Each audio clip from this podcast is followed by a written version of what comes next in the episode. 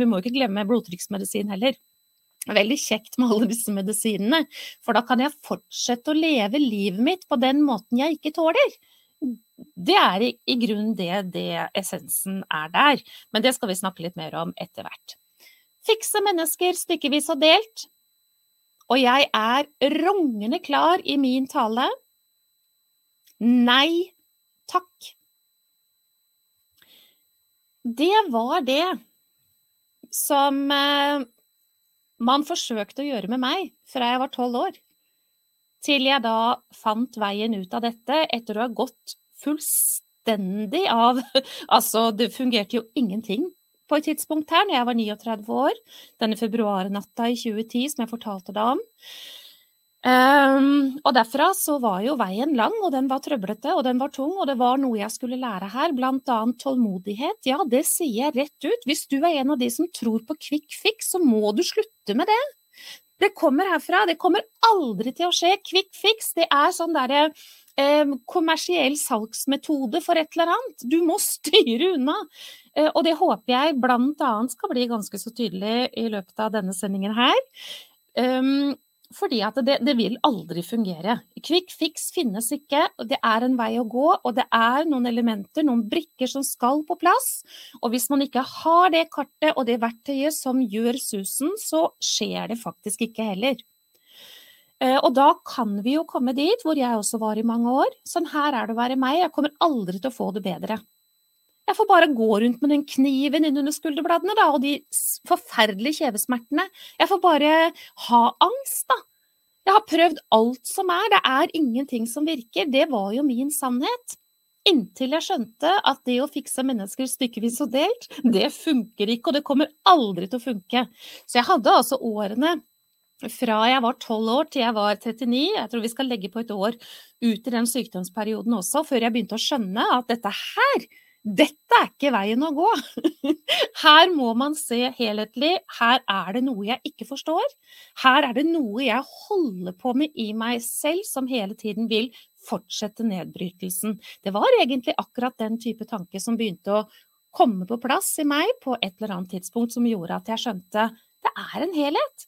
Det går altså ikke an å holde på med disse behandlingene sånn, sånn, sånn, sånn, sånn, for det kommer aldri til å gjøre noe med hva da? Det håper jeg at vi ehm, Eller jeg klarte å gjøre tydelig for deg, og at vi ble enige om i forhold til forrige sending. Gjør ingenting med årsaken, og det kommer aldri til å gå. Hei, Anita Elisabeth, nå ser jeg du er her òg. Å, Kirsti er her òg. Så hyggelig. Årsaken svarte Marte med en gang, det er helt riktig. Gjør ikke noe med årsaken. Så ok, det finnes så mye historie på at dette med å fikse mennesker stykkevis og delt aldri vil fungere.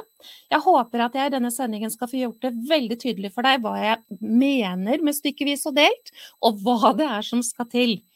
Og for å si det sånn, min erfaring er min erfaring. Den er sann. Det finnes mennesker der ute som sier du kan ikke ha hatt fibromyalgi, du, for det går ikke an å bli frisk fra fibromyalgi. Nei, vet du hva, jeg har ikke noe lyst til å bruke det ordet frisk, jeg. Jeg syns det er helt tullete ord, rett og slett, men jeg har fravær av symptomer, jeg. Ja. Og hvem er du som sier til meg at jeg lyver? Hvem er du som sier at legespesialister ga meg den diagnosen, og at de tok feil den gangen jeg var så syk som jeg faktisk var? Er du med meg nå? Jeg har for mange år siden, når jeg startet den næringen som jeg driver da, og det var jo um, 2013, ikke sant, det er ti år siden nå, i februar 2013, da var jeg i gang. Tre år etter at jeg ble veldig, veldig syk, og det er nå drøye ti år siden. Da var det et ukeblad, jeg lurer på, hvis ikke jeg husker feil nå, at du var hjemme. Jeg mener det, det er det som kommer i hodet mitt. Tenkte jeg går ikke å huske på det engang, jeg. Jeg har vært i ukeblader, jeg husker ikke engang hvilket ukeblad det var. jeg tror det var hjemme. Og de valgte å lage en sånn fiffig overskrift. ikke sant? Frisk fra fibromyalgi. Hun kurerte seg selv fra fibromyalgi, var liksom disse fete eh, bokstavene. Og jeg vil jo tro at det var ganske mange som løp mann av huset for å få tak i det magasinet, eller det ukebladet. Fordi dette er jo en historie som man ville lese hvis man var rammet av den type symptomer og den diagnosen fibromyalgi. Og det er det en del mennesker som er i vårt samfunn. Jeg hadde aldri sagt at jeg var frisk fra fibromyalgi. Det jeg sa, det var at jeg hadde fravær av symptomer. Jeg hadde ingenting. At de valgte å bruke kurert fra, ja det var jo også deres språk, ikke sant. Men jeg hadde jo funnet veien, da. Ut av det å være meget syk med diverse symptomer. Altså den lista for, i forhold til fibromyalgi var sånn check, check, check, check, check, der har du meg. Eh, det er bare å gå inn og google og lese og se hva er det som står der, liksom. Der var jeg. Men jeg hadde jo da kommet meg ut av det og hadde ingen symptomer igjen. Og dette ville man jo fange og lage en artikkel i forhold til. Da var det noen mennesker, og det er mer enn en håndfull, bare for å ha det sagt, som tok kontakt med meg. De, det ble jo selvfølgelig også opplyst hva jeg hadde valgt å gjøre, da. At jeg hadde starta egen klinikk, ikke sant, og at jeg ville hjelpe andre mennesker som famla i blinde og ikke fant veien ut. Jeg visste jo nå hva det var som skulle til, og var, var hellig overbevist om at det som gjorde forskjell for meg, det ville gjøre forskjell for alle andre som valgte det samme. Det har blitt bevist da, mange, mange ganger. Men da ble det jo også gitt så mye opplysning at det fantes en del mennesker der ute i dette landet som uh, skjønte hvordan de skulle få tak i meg. Og vet du hva? Det kom sinna post! Det kom altså sinna post, og jeg husker veldig godt at når jeg begynte å åpne det, de e-postene der og, og, de henvendelsene der, så kjente jeg meg utrolig sårbar. Og jeg husker jeg tenkte ja, men sier du at jeg lyver? Hva er årsaken til at du ikke vil tro på meg? Mener du at disse spesialistene som har gitt meg diagnosen, ikke har hatt rett, liksom? Nei, du kan umulig hatt fibromyalgi, jeg har hatt det i gud vet hvor mange år, jeg kommer aldri til å bli frisk.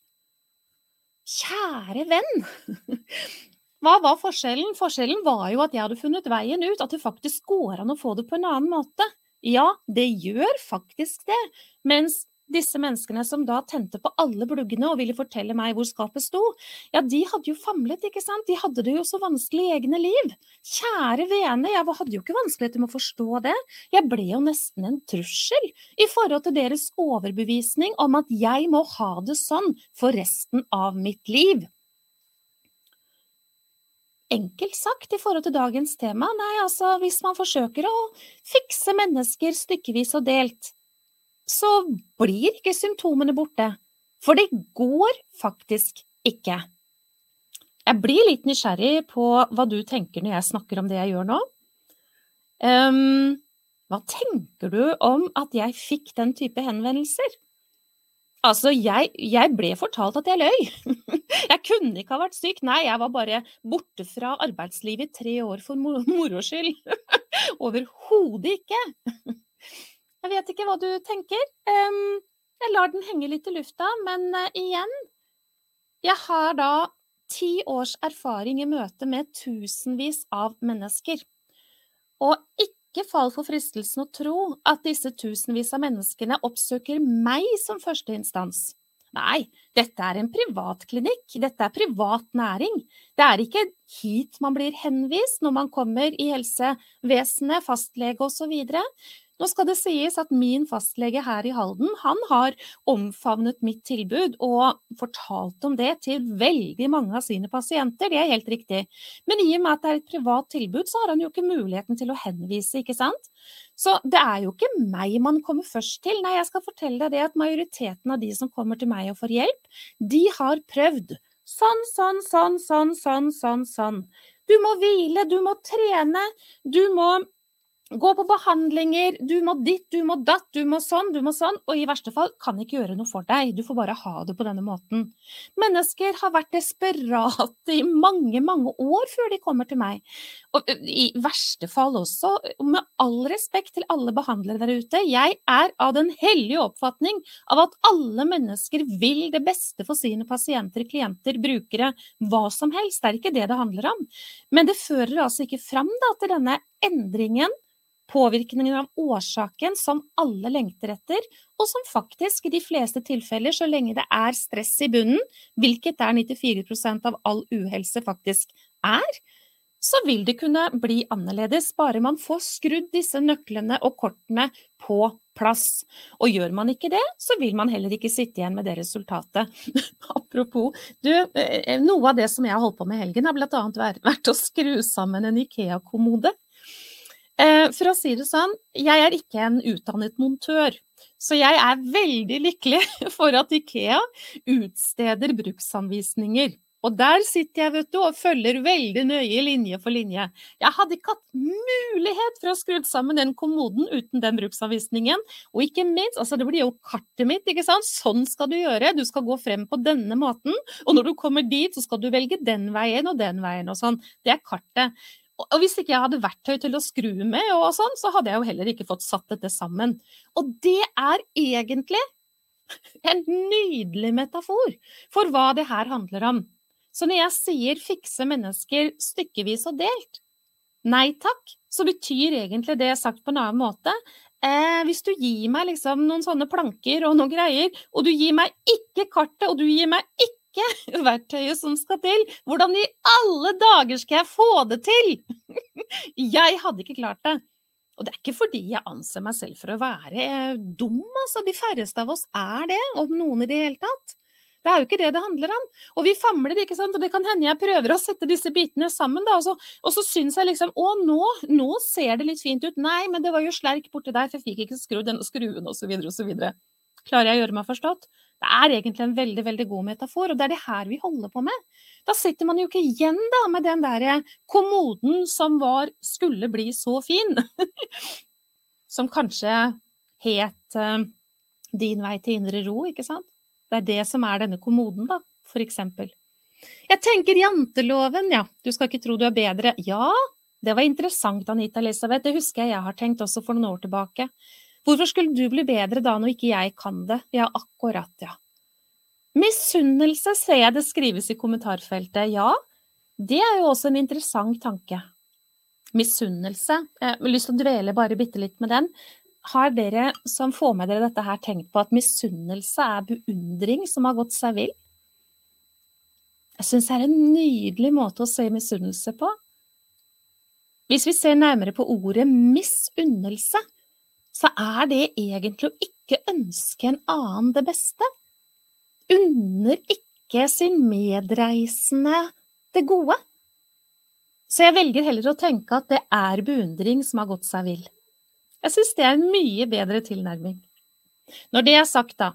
Min farmor, som sendte meg til behandling første gang da jeg var tolv år, som jeg nevnte for deg, hun var en meget klok dame. Hadde det ikke vært for farmor, så hadde ikke jeg sittet her og snakket med deg nå. Det er også en del av historien. Men hun sa det at misunnelsen hos det norske folk er sterkere enn seksualdriften. Så det kan være du har rett. Skål for den, forresten. Beundring som har gått seg vel, ja. Nettopp, Kirsti. Ok. Jeg skal ta deg med inn igjen i dette med selvfølelse. Jeg har snakket om det før, jeg vil bare sikre meg at du har forstått hva selvfølelse faktisk er. Fordi det er noe av det viktigste som må på plass på reisen til indre ro fire steg til indre ro. Ja, men vet du hva, du kommer ikke dit med mindre du faktisk får stabla selvfølelsen din på plass. Så det er, hvis vi bruker metaforen denne Ikea-kommoden, da, så vil jo det være eh, noe helt sentralt i den kommoden. Eh, F.eks. skinnene til bunnen, liksom, ellers så vil det bare ramle sammen. Men når du begynner å putte inn der, ikke sant, så går det. Det går ned på gulvet, og du blir helt oppgitt, og dette her holder ikke og sånn så grunn, altså det, er helt, det er fundamentet i huset. Det er liksom grunnmuren. Det du skal bygge opp i forhold til deg selv, det er selvfølelse. Det er helt, helt, helt avgjørende. Og mange ganger så tenker jeg at det er Vi er på ville veier i forhold til det i vårt samfunn. Vi klarer faktisk så å si ikke i dag å skape tilstrekkelig selvfølelse hos barna våre, ungdommen vår. Nei, og selvfølelsen den dannes i barndom, som du sikkert har fått med deg. Eh, og når vi ikke har den på plass, så er vi faktisk nødt til å ta en jobb for å få det til. Så hvis jeg har god selvfølelse, som blir altså helt avgjørende for å kunne fikse mennesket helhetlig, årsaken til det som har skjedd, ikke sant? 94% av all uhelse er stressrelatert, så var vi der igjen. Mengde stress, langvarig negativt stress, er tuftet på selvfølelsen. Så hvis jeg har en god selvfølelse, så har jeg altså en kontakt med, fullt og helt, sannheten min, den er da at jeg har 100% verdi. Jeg er med garanti like mye verdt som andre mennesker. Det er ikke noen andre som er mer verdt enn meg. Jeg er like mye verdt som andre mennesker. Det er trygt for meg å sette grenser. Å si nei når nei skal sies. For hvis da et ja ville være å ikke ta valg som bekrefter at jeg har 100% verdi, så ville jo det være helt forferdelig. Da ville det si at det ja jeg gir til en annen eller annet, det er da et nei til meg, fordi jeg ikke tar valg som bekrefter 100 verdi. Hvilket igjen betyr at min selvfølelse, den er lav. Jeg sørger for å gi minst like mye til meg selv. Det er også en del av denne gode selvfølelsen. Så det vil altså si at jeg har en bevissthet om at nå gir jeg ut her, ja, det er mennesker som skal få, vet du. man er jo medreisende og medmenneske, og man holder på, og kanskje har man omsorgsoppgaver, og det er liksom, ja da, men det må være minst like mye til en selv. Hvis ikke så går det ikke. Og den fella der har jeg gått i noen ganger. Eh, for eksempel når jeg holder yoga-retreat, reiser altså av gårde. Nå er det snart et nytt retreat i Italia, begynner 25. mai. Vi er 20 mennesker som reiser, og det er klart når jeg har med meg 19 elever og skal gi de mye undervisning og være fysisk og mentalt på alle mulige måter mye til stede med dem, så må jeg holde regnskap over at jeg klarer å gi minst like mye til meg selv den uka. For det har jeg ikke alltid fått til. Nå er det retreat nummer 17 eller et eller annet sånt i løpet av disse ti årene som har gått. Det første retreatet var i 2015, så det har vært ganske mange etter det. Og så hadde vi jo to år med pandemi òg, men, men, det var ikke viktig. Det som var viktig, var at jeg har av og til ikke gjort det der. Jeg har altså ikke hatt med meg bevisstheten, og det går ikke så bra. Så jeg har da tidligere vært utslitt i eh, en stund etterpå. Fordi jeg har ikke gitt minst like mye til meg selv. Så det skjer ikke lenger gir jeg minst like mye til meg selv? For å kunne klare å få til det, så må man ha en bevissthet om et regnskap over og faktisk veie opp sånn, sånn, og justere. For hvis ikke, så klarer man ikke det. Hvis man har en god selvfølelse, så gjør man det der med selvsagt. Det er ikke tanker som ja, men hvem er det, hallo, du kan jo ikke holde på sånn, skal du si nei til den? Det kan jo ikke, du må jo strekke deg, du må jo dit, og hva kommer den til å synes om det, og husk på hva mora di alltid har gjort, og alle andre forventer av deg, og sånne ting. De, den type tanke får ikke lov til å styre det mennesket som har en god selvfølelse. Det kan godt tenkes at det kommer innom, men det får ikke lov til å styre valg. Den indre dialogen hos meg med god selvfølelse, hvis jeg nå tar det som et utgangspunkt at jeg har det, eller deg, det er at det er en dialog som er kjærlighetsfull. Det handler om fullstendig aksept fra deg til deg, eller fra meg til meg. Det handler om fullstendig respekt fra deg til deg, fra meg til meg. Det handler om anerkjennelse fra deg til deg, fra deg til meg. Det handler om selvmedfølelse. Det handler om tilgivelse. Og ikke noe forbehold her. Ikke noe forbehold. Nei, nei, nei. Ingen, ingenting. Ikke noe. Nei. Kommer det tanker som prøver å fortelle, det kan jeg jo ikke. Tull. Ingen forbehold. Og det handler om uh, ingen dømming. Fra deg til deg, fra deg til meg. Ingen dømming. Aner du konturene? Jeg håper det. Det handler også om å velge å ikke analysere.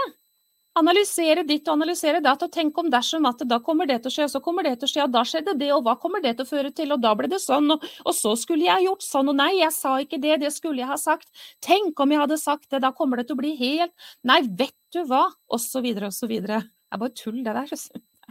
Det der er ikke god selvfølelse å holde på sånn. Og det handler også til slutt, i tillegg til alt det jeg sa nå, om tillit til egne ressurser. Det vil altså si at uh, man trygger seg selv istedenfor å skremme seg selv.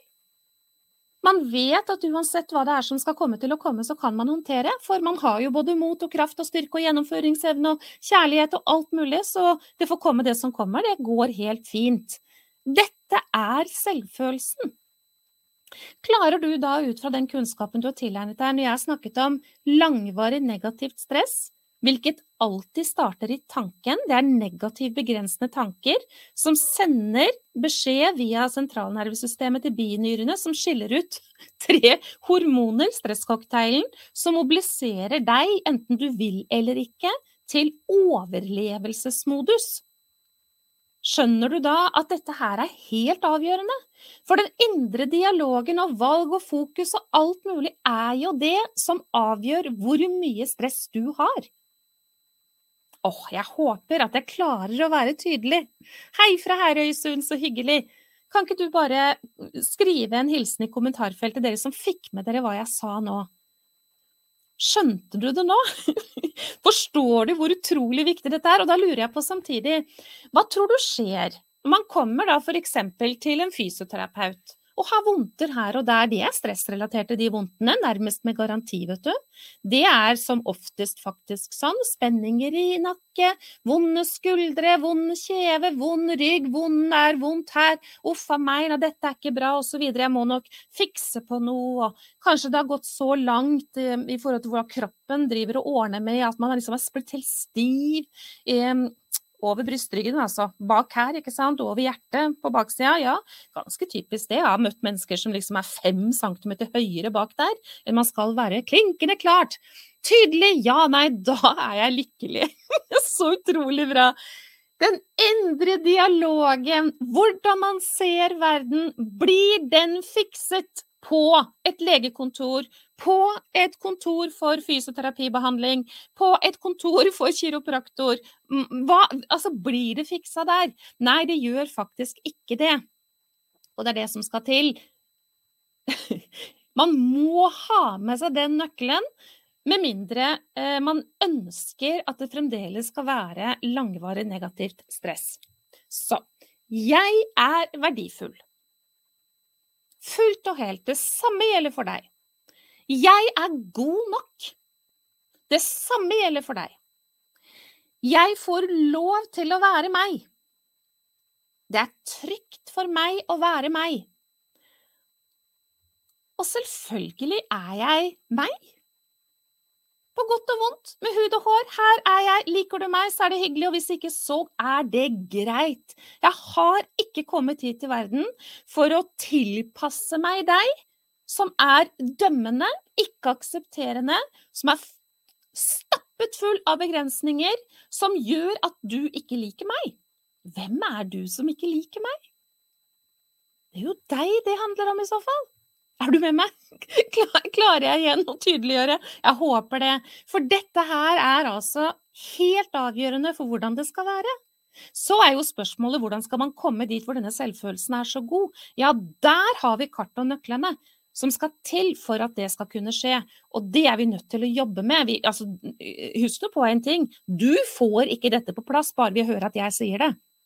Nei. Jeg formidler noe til deg i håp om at du tar imot, eier det, visdom og innsikt, og i sann, dette er noe jeg er nødt til å ta på alvor, og så skal du jo gå veien for å kunne ta det på alvor. Så god selvfølelse gir da en trygghet i mennesket, og det motsatte av trygghet, det er frykt. Og denne frykten, den styrer mennesket noe så hinsides hvis dette ikke er på plass. Jeg har lyst til å si at uh, denne frykten kan jo også komme til uttrykk i noe som veldig mange kjenner seg igjen i, dette med hvem er jeg egentlig da? Altså selvfølelse var da, god selvfølelse var jo da jeg får lov til å være meg, her er jeg, lik meg eller ikke. Jeg er meg. Her er jeg. Sånn er det. Mens de som har lav selvfølelse, kan ofte komme der hvor de lurer på men hvem er jeg egentlig? Hvem er jeg? Kanskje kjenner du deg igjen i at du har um, litt på den av og til? Kanskje den er der nå? Den er helt vanlig. Man har jo mistet seg selv ikke sant, på veien her, fordi man har jo tilpasset seg, og man har jo hørt ditt og møtt datt, og de følelsene har justert sånn, og nei, og de følelsene var vonde, de orker man jo ikke. Og så tilpasser man i alle retninger. Ja, men hva skjedde med seg selv da? Det er jo klart at man mister seg selv på den veien. Husker du jeg snakket om i forrige sending dette med bilen, ikke sant? Og apekattene. Altså, man sitter jo i baksetet i bilen og ikke aner hvem man er. Selvfølgelig, fordi det er jo alt annet som har flyttet inn, og som har fått lov til å regjere. Og det går ikke. Jeg må ta regien i eget liv, ser det en som skriver. Ja, det er helt riktig. Det må jobbes med. Viktig å være sin egen beste venn. Det er altså så utrolig sant. Jeg tenkte litt over hvordan skal jeg Hva skal jeg by deg på for å liksom klare å være veldig tydelig? Det er målet mitt, da. Eh, for jeg tror at det starter der. Inspirasjon, ikke sant? Tydelighet. OK, det går an å skape endringer. Ja, det gjør faktisk det. Hadde ikke det gått an, så hadde det sett annerledes ut. Og så tenkte jeg, men OK, jeg har da altså møtt tusenvis av mennesker, og jeg har da veldig mange historier. Uh, og når jeg deler historier, så er jo jeg selvfølgelig opptatt av å anonymisere. Jeg deler ikke noens historie som ikke har sagt 'dette får du lov til å dele', Monica. Det kan du være helt sikker på. Men det er veldig, veldig mange. Og så satte jeg meg ned litt uh, sånn rett før jeg skulle på her, egentlig. Så tenkte jeg hvem er det jeg skal ta fram? Hvilke historier skal jeg ta fram? Så valgte jeg å skrive ned noen stikkord til meg selv, og så kjente jeg jo, men de kan jeg ta fram. Bare sånn for å by deg på det. Eh, så du ser at dette med å fikse mennesker stykkevis og delt, det går faktisk ikke. Og hva det er som skal til for at det kan bli på en annen måte. Jeg valgte å lage meg eh, et lite notat, så jeg skal bare ta fram den. Jeg tenkte at eh, det er, det er, mange historier, og det er veldig mange som, som, dukket opp i sinnet mitt. Men det var nå her jeg eh, endte, da, i det som jeg skal dele med deg. Nå har jeg tatt fram tre historier. Så kan du tenke litt i forhold til det som du har tatt imot nå av kunnskap så lenge. Putte de brikkene litt på plass, og skape en forståelse av det jeg sier, håper jeg i hvert fall. Jeg nevner nå for deg et menneske som eh, står sto, har vært i en svært krevende livssituasjon lenge. Og i denne livssituasjonen her eh, så var det svik, det var misbruk av tillit. Uh, og det var for vedkommende, en kvinne, en lang vei ut av det langvarige ekteskapet. Her var det mye frykt, her var det mye utrygghet, her var det mye usikkerhet, her var det mye som eh, brøt henne ned. Blant annet, som jeg sa, mangel på tillit. Eh, eller misbruk av tillit. Hun følte seg sveket på det groveste. Og det i seg selv er mer enn nok til å bli syk av stress. Men for denne kvinnen her så hadde det vært utfordringer også over lang, lang tid før dette som skjedde i, i ekteskapet inntraff. Det hadde vært eh, eh, utfordringer på jobben i forhold til arbeidsoppgaver og mangel på anerkjennelse, bl.a. Hun følte at hun eh, ikke strakk til, at ikke hun gjorde jobben godt nok. Det var hele tiden en sånn gjennomgangsmelodi 'jeg strekker ikke til, jeg strekker ikke til, jeg strekker ikke til'. Og det var også utfordringer i andre nære relasjoner, som bl.a. også handlet om 'jeg strekker ikke til'. Mine foreldre forventer sånn og sånn av meg, jeg klarer ikke å få det til, det er så mye, og i det hele tatt. Og dette her hadde foregått over ganske lang tid før det som skjedde i ekteskapet hennes, inntraff.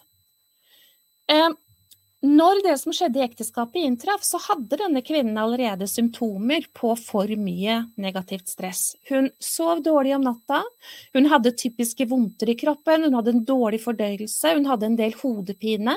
Hun hadde definitivt en opplevelse av mangelfull energi, altså hun hadde ikke noe å gå på, og hun følte seg ikke uthvilt når en ny dag kom. Så det var, sånn som hun sa det, jeg føler jeg er på felgen hele tiden.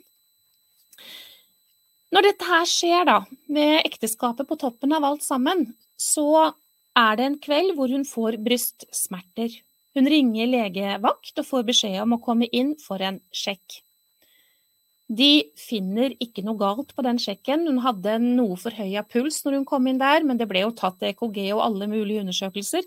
Forresten, eh, dette her foregår jevnt og trutt på legekontoret og på legevakt eh, gjennom ukedager, altså dere, og ellers. Eh, det er jo vanvittig mye mennesker som kommer på legevakt f.eks. og skal utredes i forhold til brystsmerter, og det skal man ta på alvor, jeg har ingen tvil om det, men som det ikke er noen ting. Det er ingenting. Veldig ofte er det ikke det, heldigvis, kan man jo si. Men stresset, hva det er som faktisk skjer, er jo sammensnøring av muskulatur og smerter. som følge av det. ja. Og det samme var for denne kvinnen, men hun tok det som et varsko i forhold til sin situasjon. På legevakt så fikk hun beskjed om å gå hjem og hvile. Er det å gå hjem og hvile tilstrekkelig for at hun skal få ned hva det er som er årsaken til at kroppen hennes reagerer som den gjør? Hva er det som har skjedd her? Her er det voldsomt stor belastning over lang, lang tid. Og så dette, dette sviket på toppen, som bare setter seg, egentlig antageligvis i noe angstrelatert, da. Fordi hva er egentlig angst? Jo, det er lav tålegrense i nervesystemet som gir symptomene på angst. Men iallfall, det hun fikk, da, det var gå hjem og hvile, og hvis dette her kom tilbake, så skulle hun kontakte fastlegen sin. Ja, det var jo fint at hun ble bedt om å følge det opp selv, men eh, hva med å gjøre noe med den pågående sorgen som hun har? Hva med å gjøre noe med denne opplevelsen av å ikke strekke til? Eller følelsen av å bli sveket og alle tankene rundt det der? Når det er altså i tanken stresset starter, som er nedbrytelse når man ikke klarer å få skrudd av, og denne kvinnen hadde ingen mulighet til å få skrudd av stresset. Det var pågående natt som dag, og det håper jeg at ble tydelig for deg. Ok, et eh, annet voksent menneske fortalte at hun vokste opp i en familie hvor far var på en slik måte fordi han hadde noe i seg som gjorde at han var på den måten, for det er sånn det er, altså. Det vi har i oss selv, det kommer til uttrykk i reaksjon, atferd, hvordan vi ser ting, hvordan vi møter ting hele tiden. Og denne faren her, denne pappaen, han hadde lett for å bli sint. Og når han ble sint, så var det for henne, når hun eh, var barn, så var dette forferdelig eh, i hvilken følelse det skapte i henne av frykt.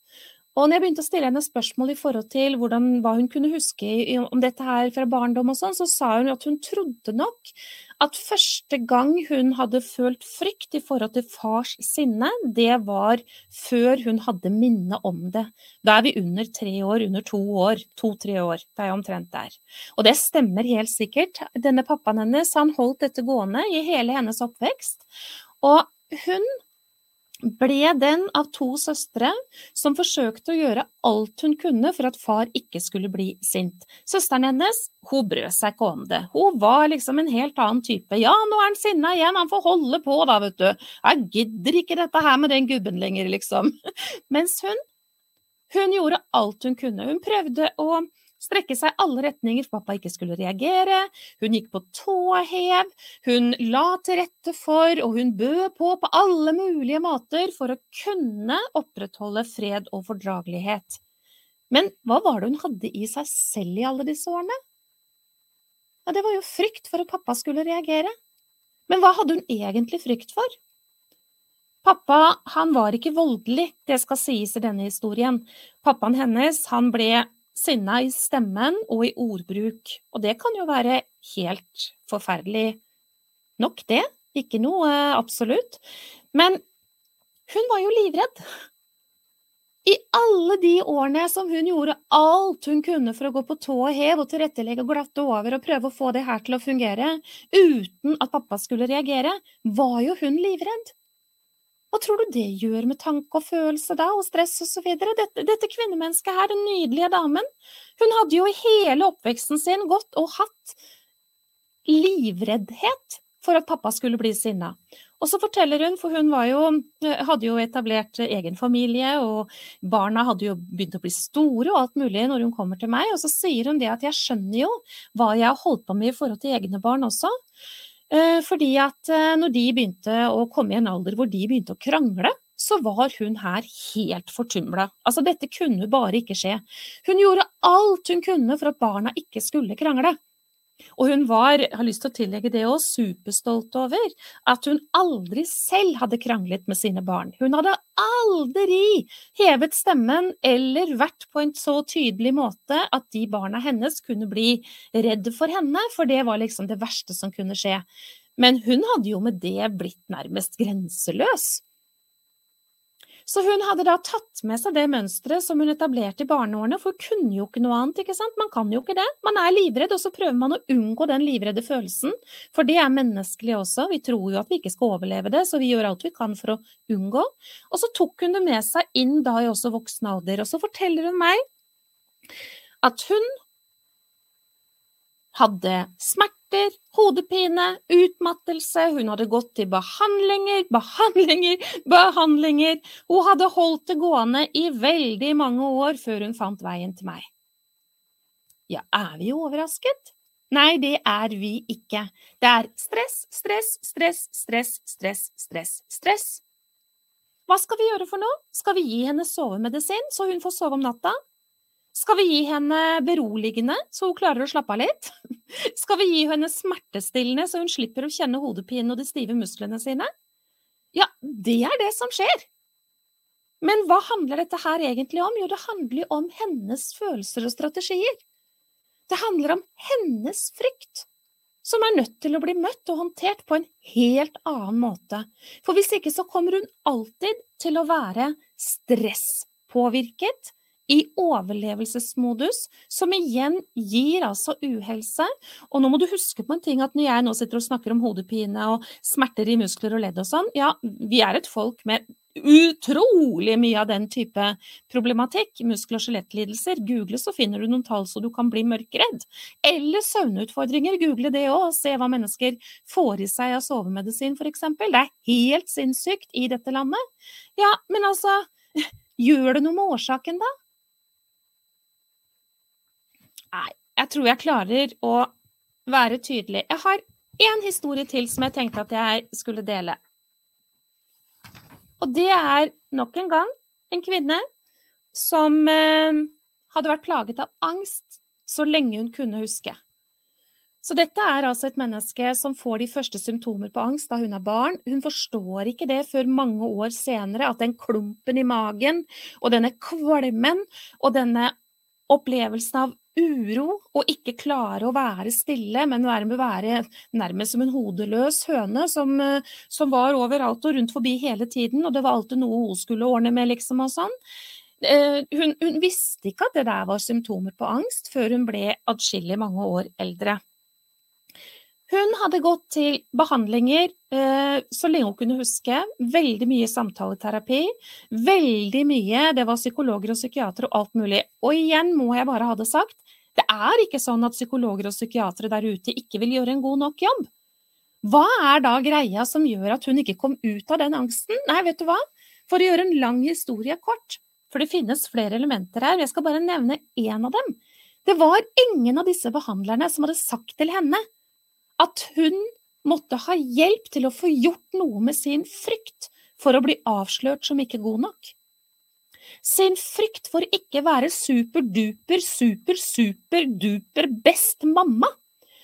Altså, hun hadde satt noen regler for hva det var å være mamma, som var helt hinsides. Hun kunne jo aldri klare å oppfylle de reglene hun hadde satt for seg selv. Altså, det, det, var som Nå vet jeg ikke om du er sånn høydehoppmester. Du, hvis du er nå verdensmester i høydehopp, så gjelder ikke det jeg skal si akkurat nå. Men hvis du ikke er det, hvis du er litt sånn på det jevne i forhold til høydehopp, så blir det som at jeg trekker inn et høydehoppstativ foran deg, ikke sant? Og så legger jeg lista på 4,5 meter, og så sier jeg kan ikke du bare hoppe over her, da? Du ville jo sett på meg og sagt bare ja, men det kan jeg jo ikke, du må bare flytte den lista helt ned, Monica. Jeg kan kanskje klare å skritte over 40 cm. til nød kanskje litt til. Du hadde jo lurt på hva jeg drev med. Ja, men vet du hva? Det den kvinnen holdt på med, det var å ha 4,5 meter på høydehopplista hele dagen i forhold til barna sine. Hun hadde jo en elendig indre dialog, hun ville jo hver eneste dag mislykkes. Fordi kravene hun satte til seg selv, nå var dette her i forhold til barn, men det var også andre elementer her. Det var jo hvordan huset skulle se ut, og hva slags datter hun skulle være, og blæ, blæ, blæ. Altså her var det helt Men dette med barna, det var veldig, veldig, veldig tydelig. Hun hadde ikke kommet seg bort fra det der. Hun hadde ikke fått hjelp til å sette ned den høyde hopplista ned til uh, hva hun kunne skritte over og være fornøyd med, som faktisk godt nok. Disse historiene gir dem deg noen ting. Fortell meg om det i kommentarfeltet, vær så snill.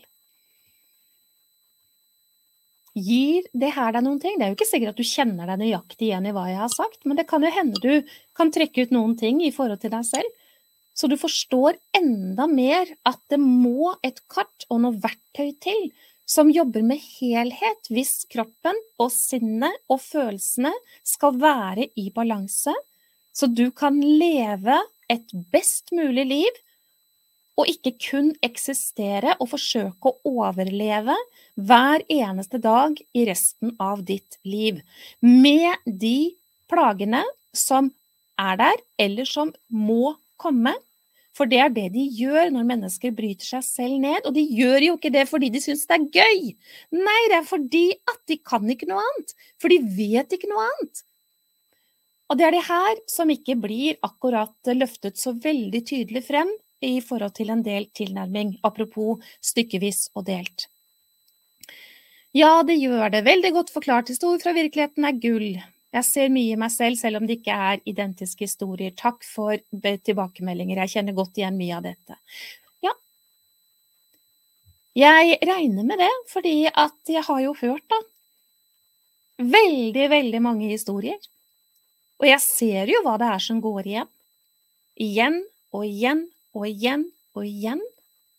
Og de er da, eh, ikke så overraskende for mitt vedkommende, veldig like, like, like, like min egen historie i forhold til hvordan det har vært opp igjennom, og som, eh, som ga meg de første symptomene på uhelse allerede da jeg var et lite barn, og så bare balla det på seg. Man må få full forståelse og gå til årsaken, ja, og takknemlig for dine kurs, skriver Herdis. Ja, man er faktisk nødt til å gjøre det, sånn er det bare. Ok. Vil hvile hjelpe den kvinnen som hadde høydehopplista på 4,5 meter? Må du slappe av litt, må du gå hjem og roe deg ned. Vil trening hjelpe henne? Vil ulike behandlinger hjelpe henne i forhold til fysio eller kiropraktor eller hva det måtte være for noe, manuell terapeut eller hva? Nei, det vil ikke gjøre det, og jeg håper, det var det jeg håpa skulle bli tydelig for deg. Denne kvinnen som hadde fått eh, frykten da, i forhold til fars sinne da hun var barn, og sånn hun holdt på, ville hun kunne få en forandring i seg ved å hvile? Ved å gå til fysioterapeut, som må du gjort i årevis, eller eh, trene? Nei, Altså, det er fint å trene, for da får du utskillelse av noen gode hormoner som gjør at du slipper å kjenne på en liten stund, men det gjør ingenting med årsaken. jeg vet at jeg, jeg kan eh, til noens forargelse være veldig tydelig på dette her.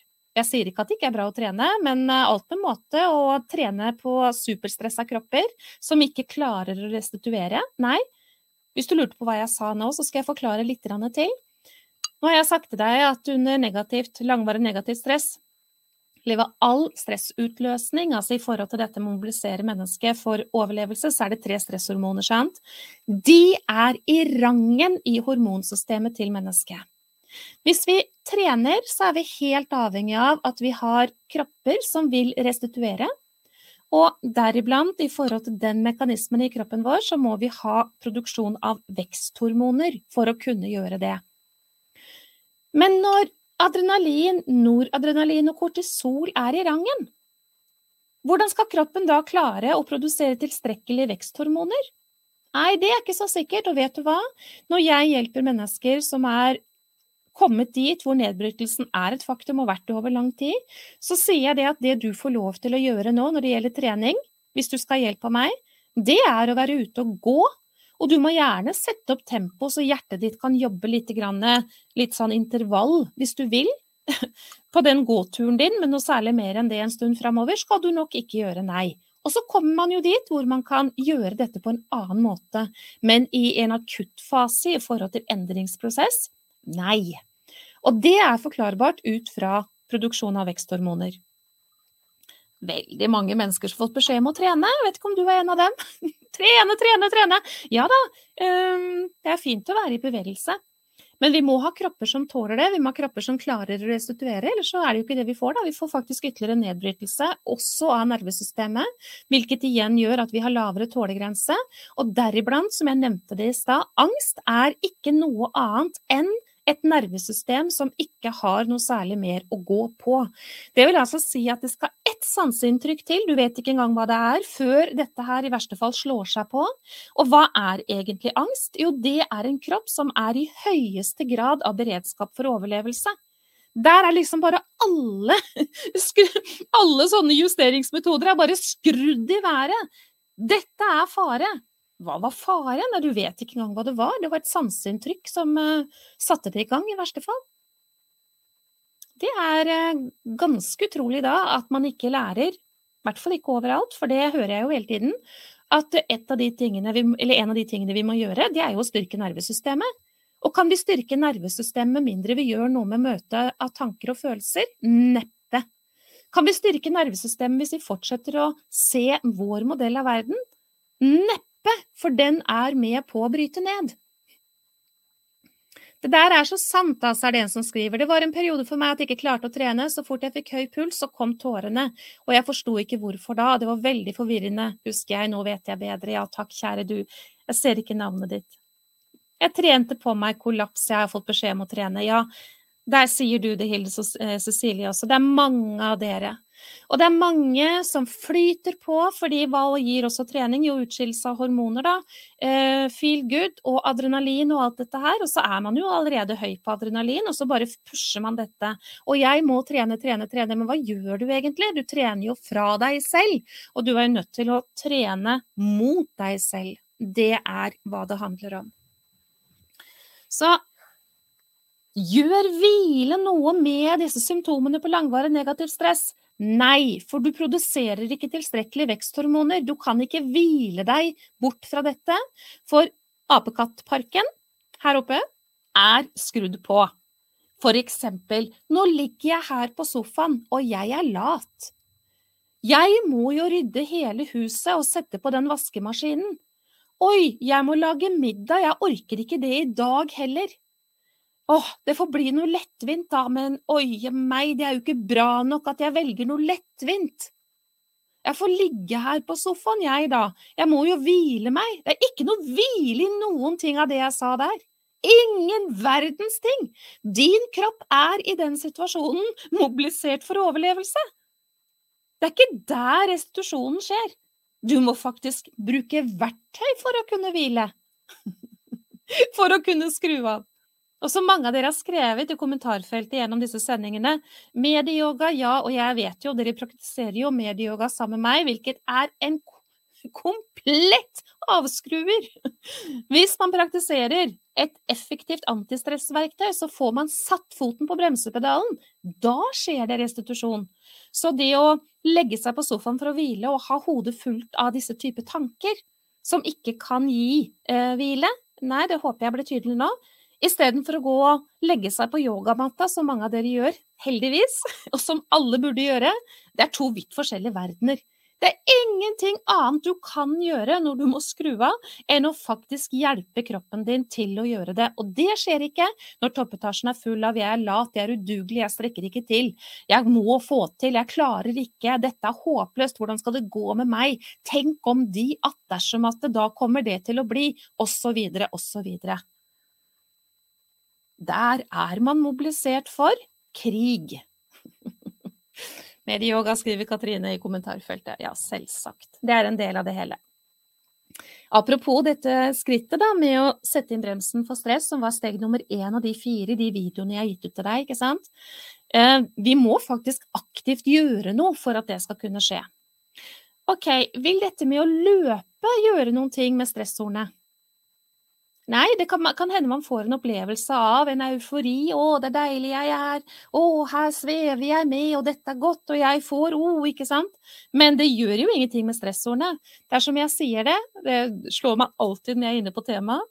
Det er utrolig mange mennesker som har slitt ut mange par joggesko i dårlige ekteskap. Hva gjør de? De løper fra sine følelser. Det er det samme som å spise fra dem, eller drikke fra dem, eller ruse seg fra dem, eller gjøre fra dem. For eksempel, det er jo veldig ålreit å holde seg opp, altså opptatt når man har følelser. Å, nå føler jeg Nei, men det orker jeg ikke, jeg går og rydder på kjøkkenet, for eksempel. det er eh, mange strategier for dette her. Og det, det, kan ikke fortsette, da, fordi det er nedbrytelse som skjer hele tiden. Og det var jo ikke det du ville ha, du ville ha noe annet. Vi må jo snakke bitte litt om disse pillene, jeg har så vidt vært inne på det. Og nå er jo jeg utdannet sykepleier, blant annet. Og jeg er ikke en av de som sier at vi skal ikke ha piller for noen ting. Snarere, jeg mener jo ikke det. Men det å f.eks. spise smertestillende fordi man har hodepine, smerter i kroppen, um, ubehag, det er jo det samme som å skru ut lampa i bilen eller sette svart teip over og late som at det ikke finnes. Hvis man ikke samtidig forstår noen ting som man er nødt til å justere. For det er jo en beskjed. Nå kjører du over deg selv, du må foreta en endring. Men det er bare det at den endringen, den har ikke du noe lyst til å gjøre. Du har ikke noe lyst til å si nei, du har ikke noe lyst til å bli glad i deg selv. Du har ikke noe lyst til å trygge deg selv. Du har ikke noe lyst til å Møte følelsene dine. Du har ikke ditt, du har ikke datt, du holder på. Og hvis ikke du endrer på det som må endres på, så må du jo fortsette å spise smertestillende. Og så kan vi ta sovemedisin. Vet du, det er ikke så lenge siden så googla jeg hvor, hvor mye sovemedisin det selges i dette landet. Og det var altså et voldsomt tall. Jeg gadd ikke å memorere det engang. Jeg bare tenkte dette er jo helt gale, Mathias! ja, innsovningsmedisin, vet du, det er fint. Men du må jo være klar over at du får jo ikke sove når det er apefest i toppetasjen. Da er du i beredskap for overlevelse. Og det finnes ikke en eneste soldat som er trygg hvis vedkommende sovner på vakt. Og det er det som skjer i hodet ditt. Forferdelig å ligge der i senga og ikke få sove. Det kan også være gamle traumer som holder deg våken. Det er ikke sikkert du skjønner engang hva det er. Men kroppen jobber med et eller annet, og da er du nødt til å foreta deg noe for å kunne trykke foten på bremsen, ellers så får du faktisk ikke sove. Og den er typisk også, kanskje du sovner, men du våkner opp gjentatte ganger gjennom natta, lys våken, får ikke sove igjen osv. Og det går jo ikke, for da får vi jo tanker som å, hvordan skal dette gå, jeg må jo sove, jeg blir jo syk av å ikke sove, eh, jeg klarer ikke en dag til uten søvn, herregud, dette her går ikke, og det baller på seg. Men hva var det for slags type tanker da? Det var jo apekattene, det jo. Stress, stress, stress, stress, stress. Og da kommer man jo veldig fort inn i en av disse onde sirklene som man er nødt til å få gjort noe med. Uh, beroligende, antidepressiva. Er du klar over hvor mange mennesker som spiser antidepressiva her i landet? Jeg tror ingenting på at det er kjemisk ubalanse i toppetasjen til majoriteten av de menneskene som skal ha uh, SSRI-preparater, altså antidepressiva. Jeg tror ikke noe på det. Det har blitt en krykke sovemedisin, smertestillende, antidepressiva, beroligende, er blitt en krykke for å slippe å gjøre noe med årsaken til hvorfor man trenger den type medisin. For da kan man jo bare fortsette å leve livet som man tror at man må gjøre det. Da kan man jo bare fortsette da, og passe på at alle andre har det bra og ingen blir sinte og at alt er i orden, og strekke seg og ikke si nei for det er trygt og å ja, ja, her har du meg, vet du, alltid den som stiller opp, jeg, vet du. Ja, ja, ja, spør meg om å bake en kake, jeg kommer med tre i håp om at noen sier du er helt fantastisk. Det er så fint å kunne spørre deg, for du sier alltid ja.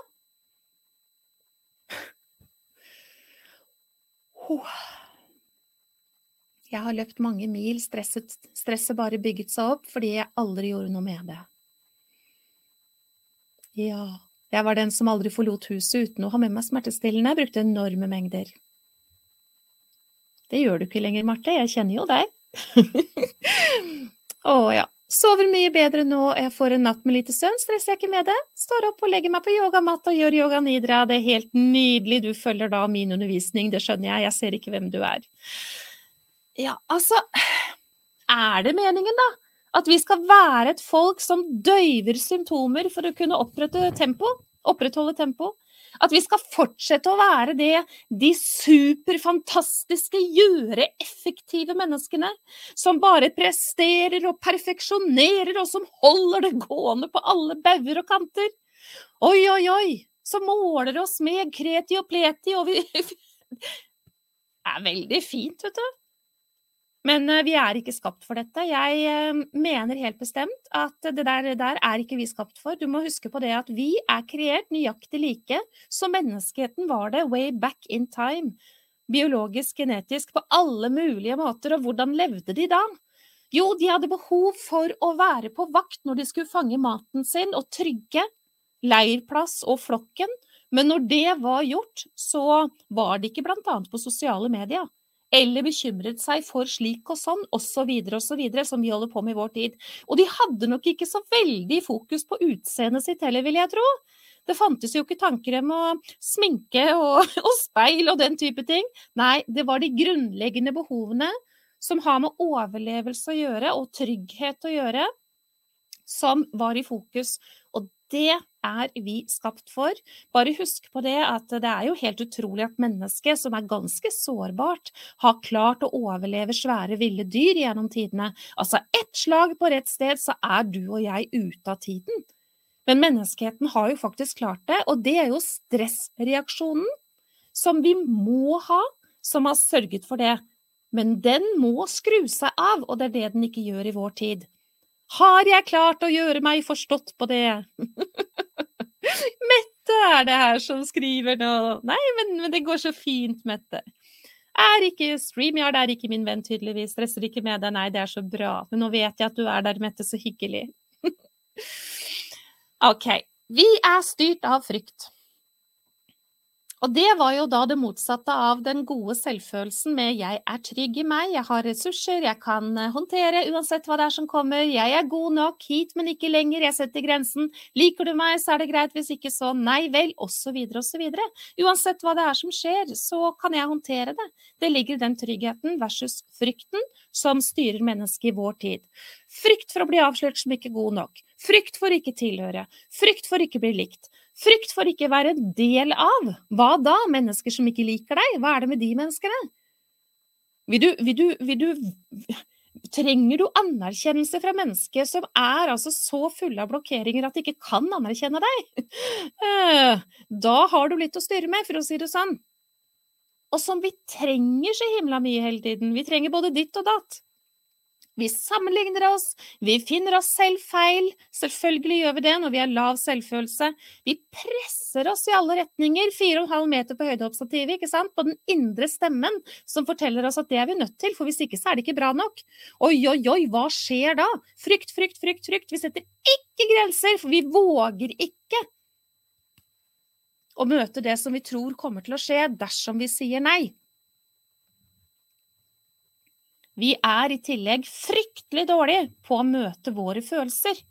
Det lærer ikke vi i vår tid. Hva er det som skjer? Altså det enkleste eksempelet da, som, eh, som, ramler i hodet mitt når jeg går inn i det der, det er jo barnet som slår seg, blåser på, hysj, hysj, ferdig. Går over, vet du. Eller snille piker gråter ikke, Flinke gutter gråter ikke, flinke piker gråter Jeg vet ikke. Det er veldig mange mekanismer. Og når voksne mennesker ikke har lært å møte sine følelser, så vil jo de overføre det til barna. For de kan jo ikke lære barna å møte sine følelser. Og hva skjer med følelser som ikke kommer til overflaten? Og det kan jeg fortelle deg hvis ikke du vet det. Det legger seg i kroppen vår. Den der kniven innunder skulderbladet som jeg hadde i mange år, det var sorg, det.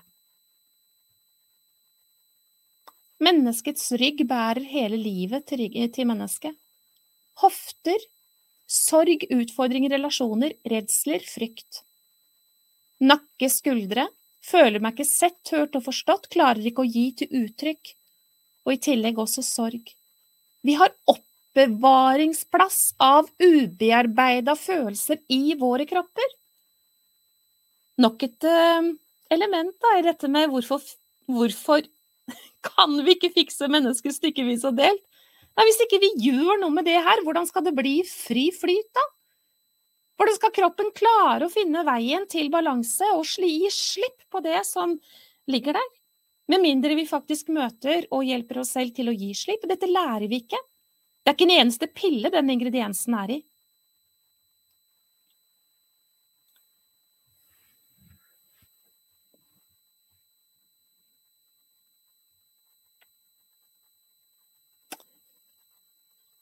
Jeg kjenner at jeg blir helt uh,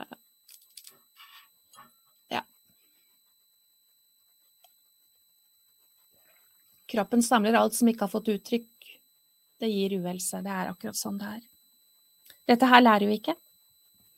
Vi møter ikke det, vi lærer det ikke. Det er ikke det som står i medisinhåndboka på legekontoret. Der eh, er det slik at man ser etter symptomer, og så finner man botemiddel for dette symptomet. Eh, men jeg kan ikke forestille meg at du lar være å fylle bensin når bilen din ikke har mer drivstoff, hvis det er bensin bilen din går på, eller lade når den ikke har noe mer strøm. Jeg kan ikke tenke meg at du lar det være. Jeg kan ikke tenke meg at hvis du får noen stygge, blinkende lamper på dashbordet i bilen din, at du fortsetter å kjøre og late som ingenting. Men du gjør det med deg selv. Og det er ikke fordi du er dum, det er fordi du ikke har den kunnskapen som skal til. Og det verktøyet som gjør at du tar nye valg, møter på en annen måte, håndterer, reparerer. Som du ville gjort med bilen din på verksted hvis den har behov for det.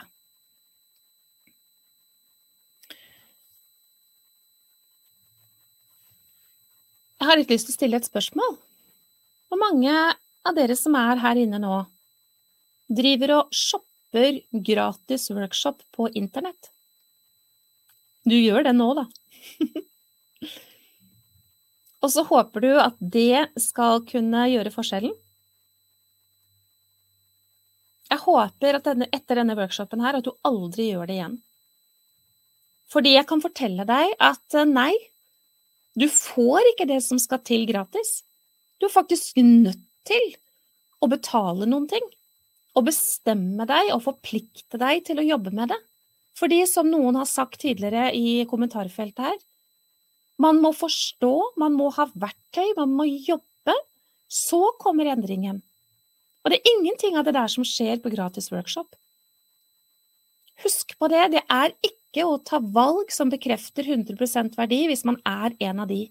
Og av og til så ser jeg at flere som følger meg, de følger alle andre også, på det store internettet. Av og til så kan jeg kjenne en tristhet i forhold til det, fordi jeg vet at de aldri kommer til å komme et annet sted. Apropos denne selvfølelsen, det må et arbeid til. Det må et arbeid til, men det starter med det som skjer i denne workshopen.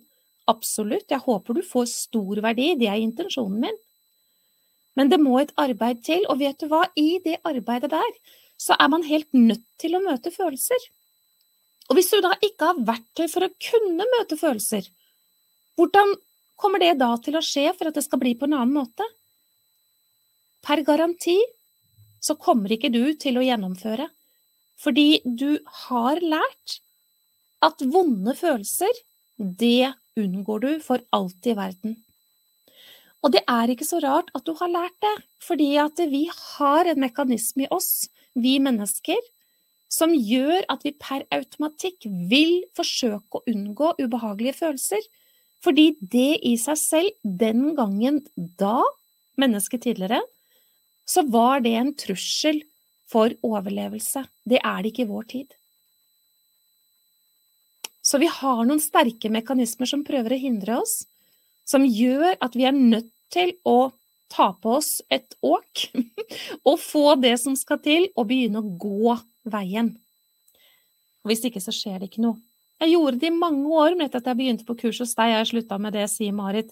Ja, da tok jo du et valg, Marit, og det vet jeg, for jeg kjenner jo deg også, at eh, det er du lykkelig for i dag. Ja, jeg eh, lurer på Har jeg klart å svare på dagens tema? Jeg ser jo klokka er snart kvart på åtte, ikke sant? Dagens tema var jo 'fikse mennesket stykkevis og delt'. Nei takk. har jeg klart det? Jeg tror jeg har klart det. Ja. Jeg eh, tenker at eh, jeg tenker at jeg stopper der. Og så kommer jeg jo på igjen i morgen da, klokka 18.30 med del nummer fire, ikke sant? Hvor jeg på mange måter snører uh, i hop alle trådene, håper jeg i hvert fall det. Det som jeg hadde litt sånn tenkt å snakke mer om nå, det skal jeg ta med meg inn i sendingen i morgen. Så jeg bare fortsetter der jeg har sluppet nå. Uh, og så Ja, jeg har tillit til at det blir som det skal. Uh, jeg har mer å komme med. jeg lar det være med det. Så håper jeg vi ses i morgen, da, klokka 18.30. Veldig, veldig lykkelig for alle dere som har skrevet i kommentarfeltet, altså. Og jeg ser jo til min store glede at det er mange av dere som eh, jeg får lov til å hjelpe, og har fått lov til å hjelpe, som velger å dele i kommentarfeltet. Um, Tusen takk for det. Det finnes jo så mange mennesker som kan skape seg nye liv. Og det er jo min motivasjon, og at dere deler, det er gull verdt for at noen mennesker kommer til å ta det valget. Og det er noe med den der 100% verdi, da. Ja. Takk for sending, sier Herdis. Tusen takk for sending. Og så håper jeg vi ses i morgen. Ha det!